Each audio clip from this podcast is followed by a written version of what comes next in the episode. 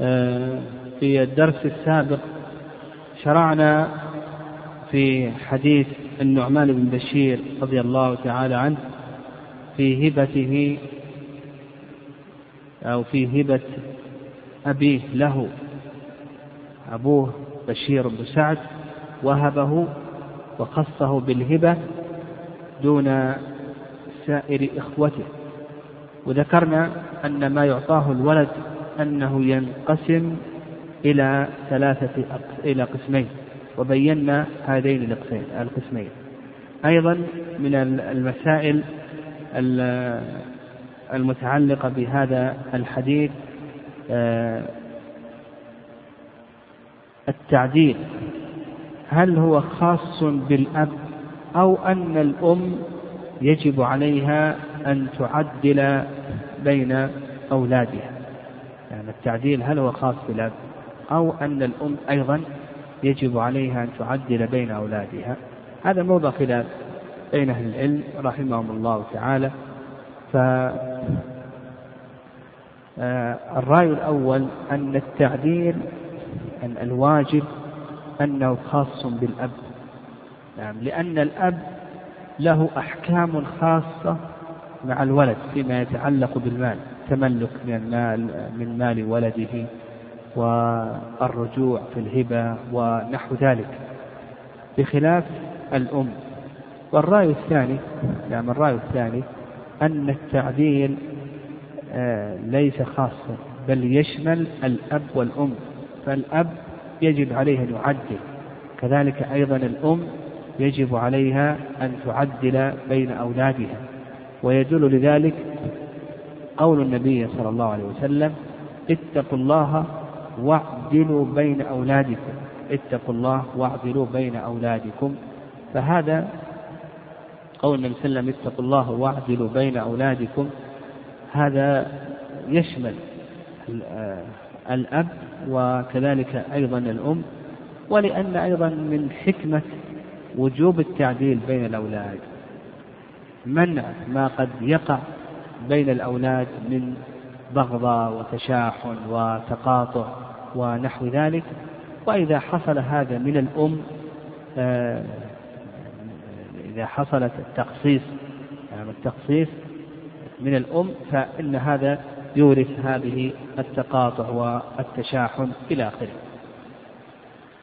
طيب وهل يجب التعديل فيما عدا ذلك كالجد مثلا مع أولاد أولاده وكالأخ مع إخوته وكسائر الأقارب. هل يجب التعديل؟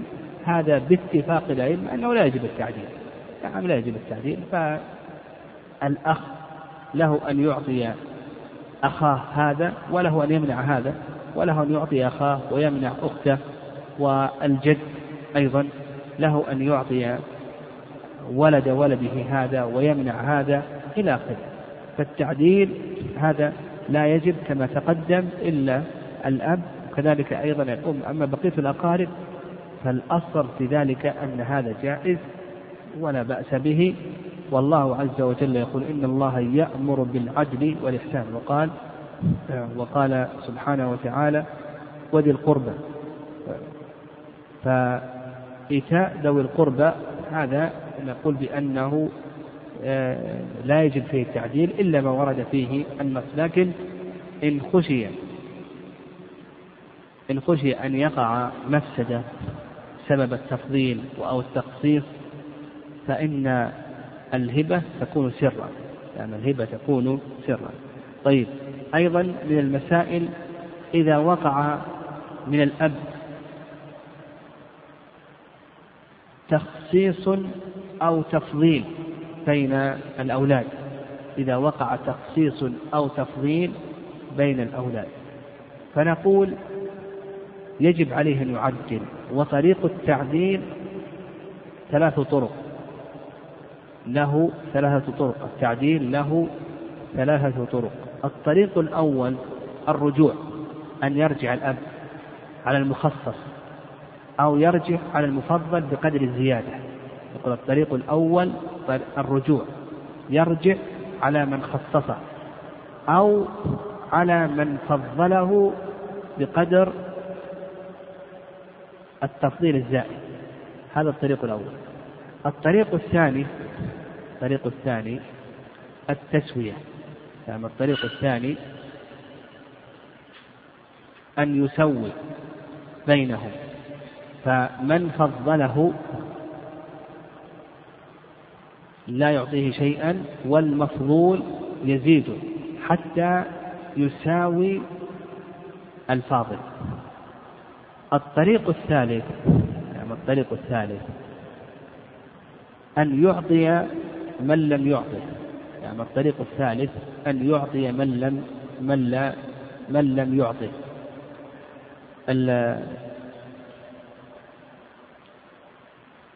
إذا كان الأولاد ذكورا وإناثا فهل يسوي بينهم في الهبة أو أنه يفضل الذكور على الإناث؟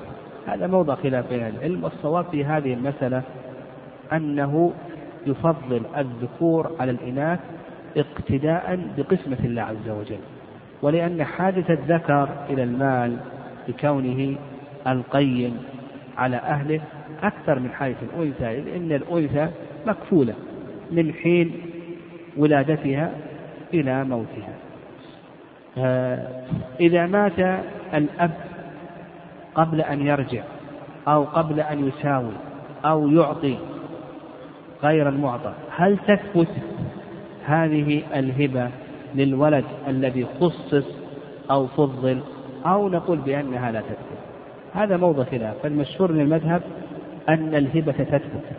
يقولون بأن الهبة تثبت. والصواب في ذلك ما ذهب إليه شيخ الإسلام تيمية رحمه الله أن الهبة لا تثبت بل يجب على الولد الذي فضل أو خصص بهذه الهبة يجب عليه أن يردها في الميراث أو أن تحتسب هذه من ميراثه. وأما كونه يستقل بها بعد موت والده فهذا فيه نظر والصواب أن هذا لا يجوز. نقف على هذا.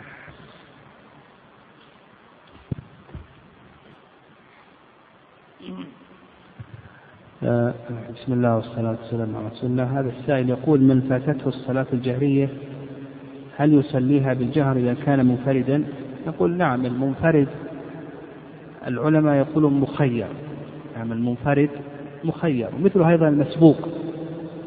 العلماء يقولون مخير بين الجهر والإسراء فإذا صلى منفردا صلاة الليل أو صلى فاتته الصلاة هو مخير بين أن يجهر وبين أن يسر أيضا لو قام يقضي يقولون أيضا المسبوق هو مخير بين الجهر وبين الإسرار في الجهرية.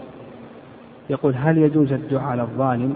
نعم نعم الدعاء على الظالم يجوز بقدر المظلمة بقول الله عز وجل لا يحب الله الجهر بالسوء من القول إلا من ظلم.